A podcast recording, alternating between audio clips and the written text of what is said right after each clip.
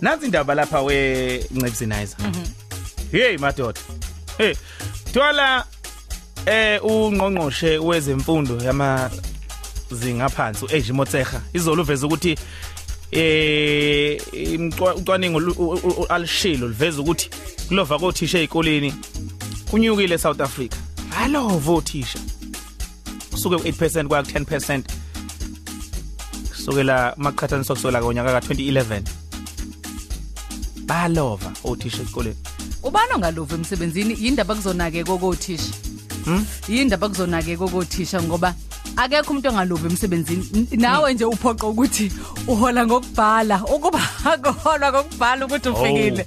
Ngabe ngabe uyazitamuzela nje. Ushaye sick leave ushaye ntoni ushaye ntoni? kodwa makhenzi wasuvela ungisakaza ikhanda nje. Intombi yazonshaya walibiza phezulu. Eh, Tjatha. yazi ngiqethukile ngibheke phezulu nguyile kuma nje cha Qim. sonke sinjalo tjathu kuvuke uthi mawubheka iwash so Eh. yindaba kuzonake kokothisha no akothisha uma ngabe ubheka umthelela wemiphumela awubi muhle. Yeyo lento yenza ingqongqosha khathazeke uma ngabe othisha bezolova nje kalula ngaphandle kwezizathu ezinqala nezwakalayo kungaye kungani nomthelela ongemuhle emphumeleni kakhulukazi kamatikiletsheni eh bese kubatshaza ukuthi hayi akuhambi kahle ezikoleni kanti kungenzeka ukuthi kunothisha abahudula inyawo umuntu afaka incwadi kadokotela faka incwadi kadokotela faka incwadi uyazi vele epheleni kwenyanga uzoyihola imali yakhe iyonke. Kwancwadi kadokotela leyo akazazi athi eh nakanye. Yabo ngicabanga ukuthi mhlawumbe ungqongqoshe ukhathazwa izinto ezinjengalezo umbuzo wami uthi yindaba kuzonake kokothisha ngoba akekho umuntu ongenaso stress emsebenzini? Mhlawumbe ngihleli la siyangiququda ngithi inkosi ukuthi nje phela wami umsebenzi uyangiphoqa ukuthi ngihlezi ngimamatheka. Njengoba uhleka nje. Noncebe yazi uyahleka kuba ngiyakubona uyahleka kuba nje. So uba nothe Yeah. othisha bana ma- majina majina. Hey. eh wethatha ehe. Hayi ukuthi ngithini kodwa angithi nathi sithi makuyisikhathi sama holiday bebhuza bebhuza endlini 6 years 8 years 10 years. Besishaya besivala isinko bawushaya bawavala amaqanda beshaya bevala amasi. Uthi yo ziyovulwa nini izikole ngibuyele kothisha ngiphumule. Thisha wakho akanayo option yokuthi athi nangu 16 17 18 useqala ukuthi abe neimpendulo for yonke into. Makuvalwe izikole uthi inkosi ziyovula nini isikole. Akunashiki lokho how much more uthisha ngeke ngabi nasi stress uthisha abantu bakaNkuluNkulu Uyayibona indaba. Ngeke Kodwa-ke, ngalovi. Ake sizwe lekubona ngokwabo uqobo ukuthi i- imbangela yini eyenza ukuthi bothisha nakho kubatshazwa lapho ukuthi eh niyalova. Nangu umnqonqoshe lapho umhlonishwe anganelisekile neze ngendlela enenza ngayo. Mangabe uthishela ulalele njengamanje ungenza mhlawumbe une free peri- period.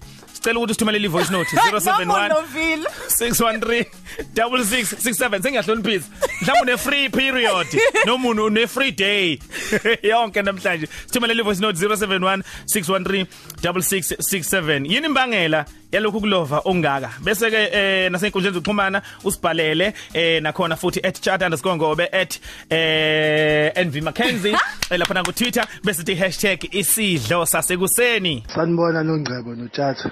Mina nguthisha eh ngithi hayi angiphendule nami. Hayi khona eh akukuhle ukulova kothisha kuyinto engeyinhle kodwa hey njobe bese chazile unongcebo hayi stress sikhona bandle. Sikhona izingane zesigibela left right and center eh njengoba nani nje ningabazali zinixaka.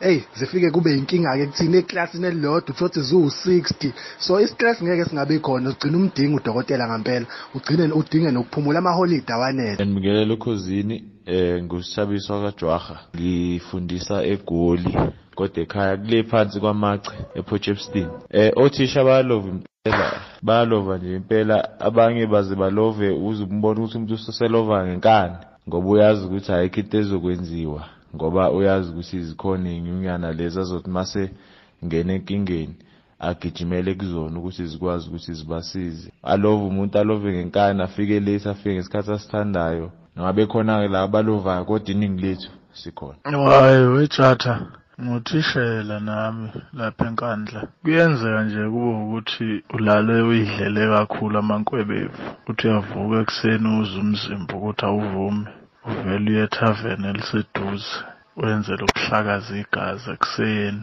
uyitshela ukuthi uzoshasha bese ukhava esikoleni. Ah ugcina nje uze ukuthi hayi umzimba awuvuma uqhubeka uyiphuzele kuze kwashona ilanga esikoleni uyobona ngosuku olulandelayo Noma ngibingelele Tjatha noNongcebo isidlo sasekuseni. Ngizongazisho igama. nami nguthisha ngifundisa kwesinye sey'kole esila emakhaya into edala ukuthi mina ngicabanga ukuthi enye into ebuye idala ukuthi othisha babuye belove iy'ngqinamba ey'bhekana nothisha kwezinye zey'kole othisha bancane ikakhulukazi ey'kole zasemakhaya othisha isibalo sazo zincane umsebenzi mningi kakhulu. And enye into engiye nginothise bayadelela othisha omkhulu wetshatha basey'koleni. Eyi uzodelela iy'nsizwa engangawe kubukanise ney'ngane ubone ukuthi eyi ngcono ukuthi ngivele ngisuke ngiphumule delela indoda ikwehle nje ikwehle ikwehle phambi kwengane naphambi kwesinye isitafu sothisha Eh mina tjatha ngithi angibuzi la noma a- angiveza umbono wami la ukuthi ungqongqoshe u- u- u- u- u- u- ukulova kothisha azange akuchaze kahle ukuthi ama workshop ngabe uyawabala yini ukuthi othisha kuyenzeka bengabikho esikoleni ngenxa yama workshop othisha kuyenzeka bengabikho esikoleni ngenxa yama moderation othisha kuyenzeka engabikho esikoleni ngama memo discussion. Uthisha kuyenzeka engabikho phambi komntwana ngenxa yokuthi bona bazivakashele bengazange besazise bevele babathole- bathole sebegulukudela bese bethi bacela ukubona uthisha e-staff room.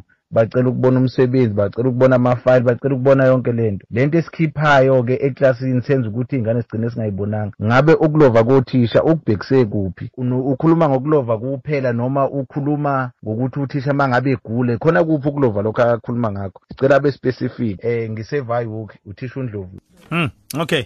Eh sivala ke ngothisha uNdlovu naye Paula la.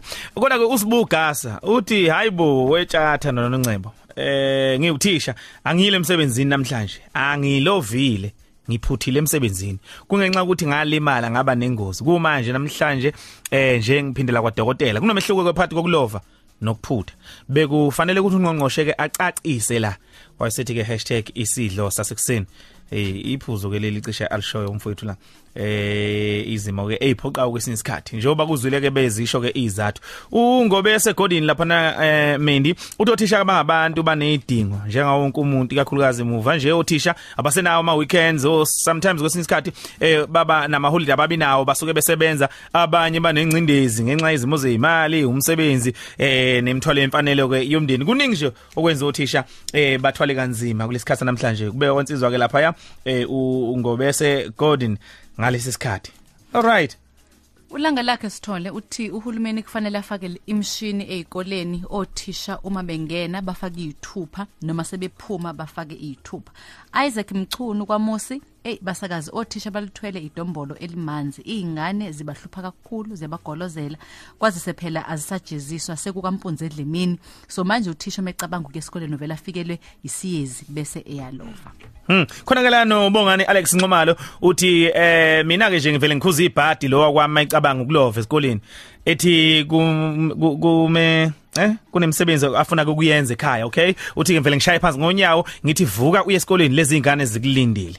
Eh kusho ukuthi igane uthisha lensizwa le. Eh ubongani Alex Nxumalo wasithi ke #isidlo sasekuseni.